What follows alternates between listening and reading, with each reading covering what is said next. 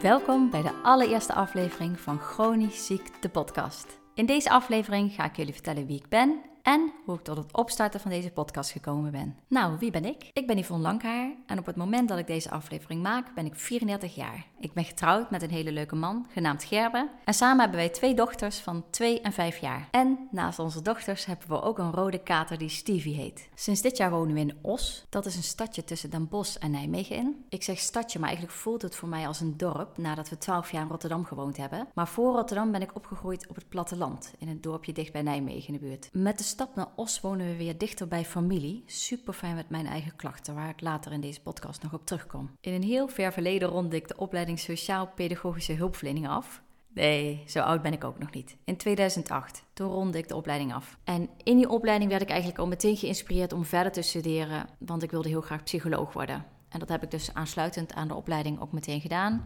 2008 ben ik begonnen met de opleiding psychologie. En sinds 2012 uh, mag ik mij uh, psycholoog noemen. Nou gebeurde er in die opleiding psychologie iets wat eigenlijk de koers van mijn carrière, want ik had daar hele andere plannen voor, maar zeker ook de koers van mijn leven, uh, veranderd heeft. Voor mij is er eigenlijk een hele duidelijke Yvonne voor en een Yvonne na. En ik zal uh, uitleggen hoe dat uh, zo gekomen is. Want in 2011 ben ik met mijn man uh, naar Malawi geweest. We reisden vaker de wereld over toen. We maakten graag backpackreizen. En in 2011 waren we in Malawi en maakten we een bergtocht. En um, na die reis ben ik teruggekomen met een knieklacht. Ik had er niet ontzettend veel pijn aan, maar de meeste last had ik ervan op het voetbalveld. Nou was voetbal echt mijn lust en mijn leven op dat moment. Ik stond al als klein meisje van vijf jaar op het voetbalveld, dus ik wist niet beter dan dat ik voetbalde. Dus ik moest en wilde sowieso ook echt iets met die knieklacht. Nou, ik ben naar een behandelaar geweest, dan krijg je oefeningen en je traint daar samen. Maar die knieklacht die ging dus niet over. En die behandelaar die besloot op een gegeven moment om mijn rug te manipuleren.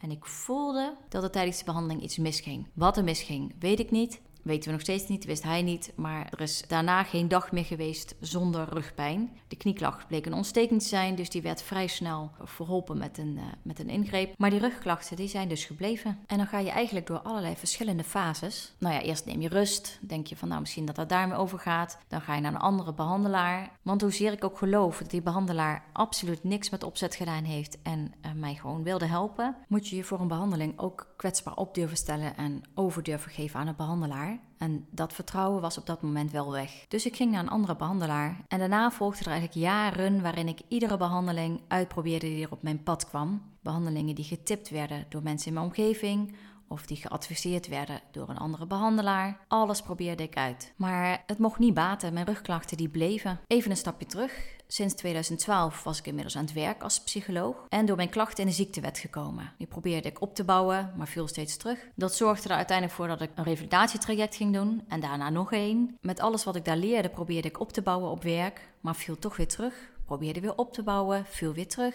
Met name het zitten bleef voor mij zwaar en mijn hele werk bestond eigenlijk uit zitten. Uiteindelijk kom je dan in het UWV-keuringstraject en ben ik in 2017 volledig afgekeurd. En eerlijk gezegd was dat wel een opluchting voor mij. Voor sommige mensen een taboe om dat zo uit te spreken, maar taboes zijn er om doorbroken te worden. En natuurlijk was het voor mij ook lastig om afgekeurd te worden, niet meer te kunnen werken, met dat taboe dus aan de slag te moeten. Mensen uit je omgeving die daar iets van vinden, wat dan weer dubbel hard aankomt. Het doet iets met je zelfbeeld. Maar het zorgde voor mij ook dat ik eindelijk kon stoppen met vechten. En dat gaf zoveel rust dat ik van daaruit eigenlijk binnen een paar maanden ineens mijn eigen praktijk al kon opstarten. En in die eigen praktijk kon ik natuurlijk mijn eigen uren bepalen. Ik kon mijn eigen rustmomenten inplannen. Ik kon bepalen welke taken ik wel eh, deed en welke niet. En nou, ik kon ook met mijn cliënten gaan wandelen in plaats van zitten, uh, wat erg belastend was. Dus um, ik kon mijn eigen werk vormgeven. En dat maakte eigenlijk dat er ineens ook weer een, uh, een stuk hoop was. En een stuk perspectief en een doel. Een zinvolle invulling. Dus ja, dat was echt een enorm verschil voor mij. En ik zag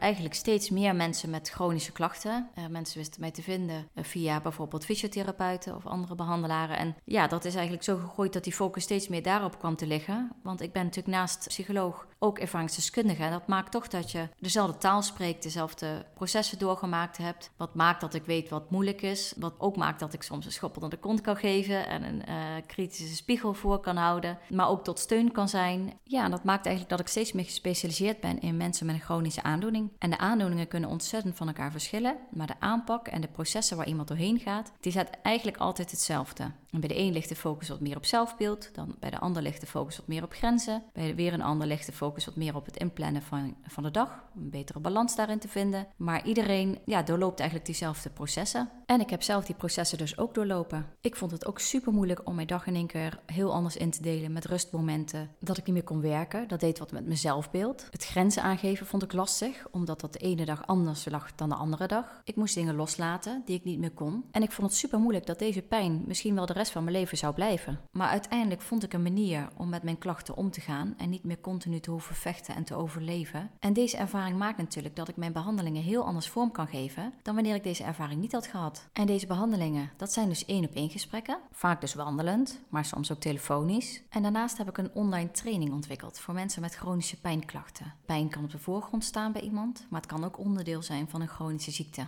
En er komen al deze thema's ook aan bod, maar dan in een 12 weken programma gecombineerd met allerlei opdrachten, vragen, tips en adviezen. En door middel van die training leer ik je om uit de overleefstand te komen en een waardevol leven te gaan leiden. En om het plaatje dan compleet te maken, vorig jaar ben ik een Instagram pagina gestart voor mijn bedrijf, Yvonne Langkaar Psycholoog. En daar deel ik eigenlijk over dezelfde thema's. Maar ik ga dan bijvoorbeeld nog wel wat dieper in op ouderschap of op relaties en wat daarin verandert. En dat kunnen liefdesrelaties zijn, maar dat kunnen natuurlijk ook heel goed vriendschappelijke relaties zijn waarin dingen veranderen, omdat jij niet meer kan wat je altijd kon. Nou, en daar, uh, daar deel ik dan over. En dan nu nog even het bruggetje naar mijn podcast. Ik vond het super leuk om veel te delen op Instagram. Maar ik ben natuurlijk wel beperkt in hoeveel ik kan zitten in verband met mijn rugklachten. Dus toen dacht ik, waarom niet die informatie delen via een podcast? Want die kan ik natuurlijk ook wandelend opnemen. En zo geschieden. Nou, dat is niet helemaal waar. Er was nog iets wat eigenlijk tot die podcast inspireerde. Want in het voorjaar heb ik een themamaand chronisch ziek en ouderschap georganiseerd. En in die themamaand ben ik een aantal keren in gesprek gegaan met experts en een aantal keer met ervaringsdeskundigen. En dat vond ik zo ontzettend leuk. Nou ja, dat dat was eigenlijk de tweede inspiratiebron dat ik dacht van, uh, ja, dat kan ik natuurlijk met mijn podcast ook gaan doen. En zo is de podcast eigenlijk ontstaan. Nou ja, en dat is waar we nu zijn. Chronisch ziek, de podcast. Het is een podcast om het uh, onzichtbare bespreekbaar te maken. Want er zijn zoveel zaken aan chronisch ziek die onzichtbaar zijn. Noem alleen al de effecten op wel of niet meer kunnen werken, uh, de impact die dat op je heeft, dromen die er ook opgaan, relaties die veranderen, je zelfbeeld dat een opdoffer krijgt, ouderschap dat je anders moet vormgeven dan je ooit gedacht had. En niemand die dat eigenlijk op het eerste oog kan zien. En soms is het best moeilijk om dat allemaal bespreekbaar te maken, kwetsbaar op te stellen, de, het oordeel wat mensen daarover kunnen hebben. Dus dat ga ik in deze podcast proberen bespreekbaar te maken. En soms neem ik een aflevering alleen op. Dus dan ga ik, uh, vertel ik gewoon over, vanuit mijn eigen kennis en ervaring over een onderwerp. En soms zal ik in gesprek gaan met een expert of een ervaringsdeskundige. Zo kun je bijvoorbeeld nu al een aflevering luisteren waarin ik in gesprek ga met Frits Winter. Dat is de schrijver van het boek De Pijn de Baas. Dat is een boek wat ik eigenlijk iedereen ook altijd aanraad, ook in mijn behandelingen. Omdat het een boek is wat super veel waardevolle informatie bevat. Van iemand die nou, heel veel praktijkervaring heeft. En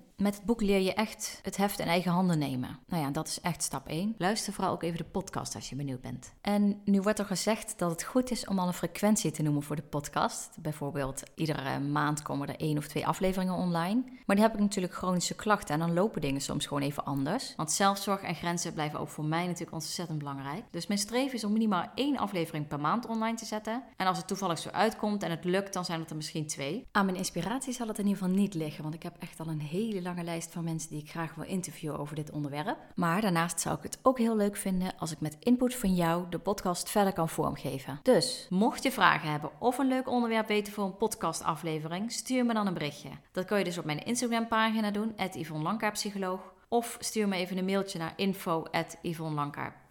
Heb je nou vragen die los van de podcast staan, persoonlijk aan mij, over de training of iets anders, dan mag je me uiteraard ook een berichtje sturen. Ik wil je alvast super bedanken voor het luisteren van deze aflevering. En natuurlijk wens ik je heel veel luisterplezier met alle afleveringen die nog komen gaan. Ik hoop dat je er wat inspiratie uit op kunt doen om uiteindelijk een waardevol leven te kunnen leiden met je klachten. Want dat is uiteindelijk het doel wat ik nastreef, ondanks mijn pijn toch een waardevol leven leiden. En dat is wat ik jou gun. Wees lief voor jezelf en ik wens je een hele fijne dag.